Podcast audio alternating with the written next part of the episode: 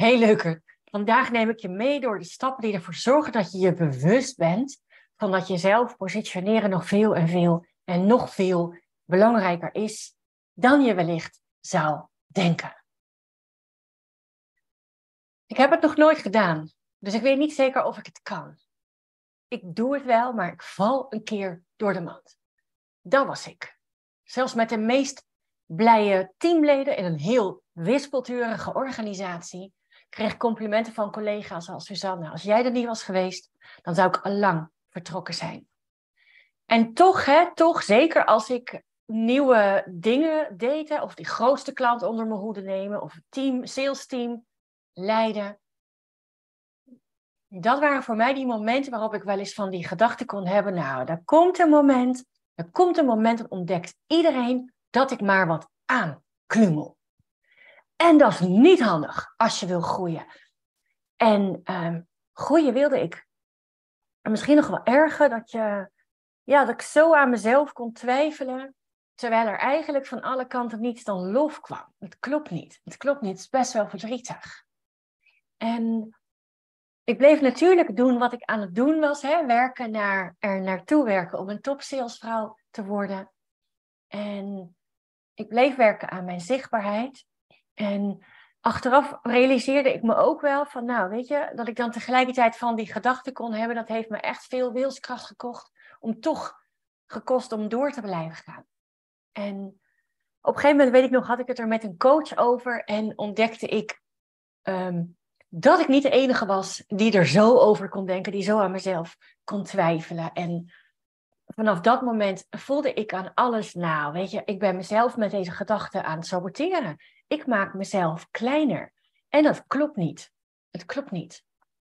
En ik wist ook dat als ik er geen werk van zou maken, hè, als, mijn, als ik mijn gedachten ja, zou blijven houden en er naar zou blijven luisteren, dat ik me ja, neer te leggen heb bij het feit dat ik kansen en, uh, en zeker ook geld laat liggen. En nou weet je, toeval, eh, daar geloof ik niet zo in. Dus ook dit zou geen toeval geweest zijn. Ik zat in een opleiding en ik kwam een gedicht tegen van Marianne Williamson. Our Deepest Fear heet het. Misschien ken je het wel. Dit is een, uh, het eerste deel van het gedicht. En ja, onze diepste angst is niet dat we ontoereikend zijn. Onze diepste angst zit er niet in dat we niet goed genoeg zijn. Onze diepste angst, onze grootste angst, is dat we grenzeloos machtig zijn. Het is juist ons licht niet onze duisternis die ons het meest beangstigt. En dat was voor mij echt een heel groot inzicht. Ik denk met die gedachte, hè, en ook nog met die good girl in, in mijn achterhoofd. Ehm, ja, mezelf kleiner maken, is, dat is de gemakkelijkste manier. Dat is de gemakkelijkste manier. En dat is natuurlijk ook zo, want als je hoofd niet boven het maaiveld uitsteekt, dan gebeurt er niets. Dan kan er niets met je gebeuren. Maar ik wilde mezelf niet kleiner voordoen. Ik wilde mezelf juist niet kleiner voordoen. En dat is waarmee die, deze ontdekking, daarmee maakte ik het voor mezelf echt een stuk gemakkelijker om gewoon echt te staan voor wat ik te vertellen had. Of wat mijn visie was, of wat ik ook op dat moment, uh, waarover ik ook de verantwoordelijkheid had. Ik weet nog dat ik bij een marketingbureau werkte. Ik was het uh, jongste teamlid. Ik was de enige vrouw in het team. Ik werkte ook als enige deeltijd, omdat ik uh, moeder was van twee jonge kleine mensjes. En ik kreeg de vraag of ik het salesteam wilde leiden. En natuurlijk wilde ik dat. Maar er is eigenlijk iets wat nog veel belangrijker is. Ik had het op dat moment echt raar gevonden als ik niet die vraag gekregen zou hebben. En die salesplek, die was natuurlijk, natuurlijk, ja, eigenlijk wel natuurlijk, die was tijdelijk.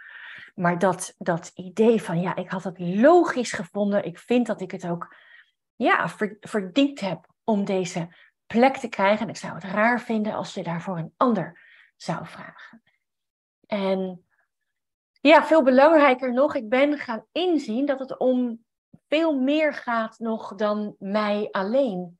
Want hoewel me dat in het begin niet opgevallen was toen ik uh, dat gedicht las, uh, eindigt dat gedicht met You're playing small, does not serve the world. Met jezelf klein maken en houden, uh, dien je jezelf niet, maar dien je ook de wereld niet. Daarmee dien je de wereld niet. En hoewel ik hem al even kende op dat moment, heeft de komst van mijn beide kinderen ervoor gezorgd dat ik hem, ja, eigenlijk nog, dat ik het nog belangrijker ben gaan vinden mijn plek in te nemen. Want als ik aan mijn dochter en aan mijn zoon laat zien dat mama als vanzelfsprekend haar plek inneemt, dan laat ik bij hen voor altijd een beeld achter dat het precies de bedoeling is dat je jouw plek inneemt. Weet je nog dat we begonnen met uh, tot in je tenen voelen. Tot in je tenen voelen waar je goed in bent. En dat je die good girl in jou, die, uh, die van alles vindt, maar die niet uit je authentieke zelf komt, dat die nog wel een stukje naar de achtergrond mag. Nou, daarbij komt weet twijfels, twijfels die je hebt, twijfels over, maakt niet uit waarover. Buig die om naar ik doe het gewoon. Ik doe het gewoon en als ik gewoon maar begin, dan strandt het schip vast wel ergens. Dan strandt het schip vast wel ergens en dan ga ik van daaruit weer verder. En ja, weet, weet en voel dat het precies de bedoeling is dat je jouw grootheid laat zien. Esther uh, was senior projectmanager bij Ascent, heeft een aantal jaar geleden een programma bij me gevolgd. En zij had over het onderwerp zichtbaarheid, positioneren, heel sterk het idee, nou weet je, ik ga mezelf niet als een van die toppers gedragen. Dat doe ik gewoon niet. Dat doe ik gewoon niet. En ik ben, ik ben ambitieus in wat ik graag wil. Zij nog veel ambitieuzer. En zij zag op een gegeven moment ook wel, ja, ik kan er wel van alles van blijven vinden, maar ik weet ook dat het mij gaat helpen in mijn groei, in mijn ontwikkeling. En zij vindt haar zichtbaarheid, het innemen van haar plek, hoe groot de weerstand ook was die ze had, ze vindt het nu vanzelfsprekend. Ze, zeker voor haarzelf, maar ook gewoon in haar werk is het belangrijk dat mensen zien wat ze in huis heeft, waarvoor ze bij haar terecht kunnen. En Alicia is onderzoeksverpleegkundige. Zij uh, stapte vorig jaar bij me in het programma met eigenlijk een heel andere vraag. Zij werkte vooral met, moet ik eigenlijk zeggen, zij werkt vooral met artsen in opleiding of artsen die aan het promoveren zijn. Dus eigenlijk allemaal mensen die, volgens mij mag ik het zo niet meer zeggen, maar ik doe het toch hoger opgeleid zijn dan zij zelf. En als ze dan uh, in een voortgangsoverleg of zo zat, dan was bij haar heel vaak zo dat ze iets wilde zeggen ergens over, maar dat niet deed omdat haar mening er ja, wel niet toe zou doen. En achteraf was het elke keer balen. Waarom heb ik dat dan nou niet gezegd? En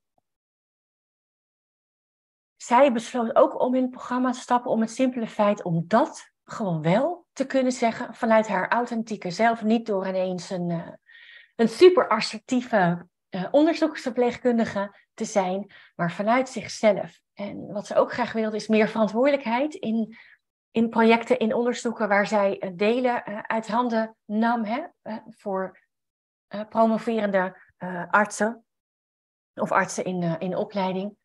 En ja, dat is haar geluk. Ze heeft dat voor elkaar gekregen om wat meer verantwoordelijkheid naar zich toe te kunnen trekken. En het zat er ook helemaal niet in dat, dat Alicia het niet kon. Het zat erin dat, dat wat ze eigenlijk graag wilde, dat ze daar zoveel van vond dat ze het niet deed. En uh, ja, die stem is weg. Die stem is weg. Niet in één keer, maar geleidelijk aan. Die stem is weg en dan ga je het doen. Dan is het allemaal niet zo ingewikkeld meer. En um, ja, dus realiseer je op het moment dat jij je plek inneemt, dat je als je moeder bent, dat je je kinderen toestemming geeft een plek in te nemen, eh, dochters en zonen, maar dat je ook mensen om je heen toestemming geeft, eh, precies hetzelfde te doen, precies hetzelfde te doen. Doeg!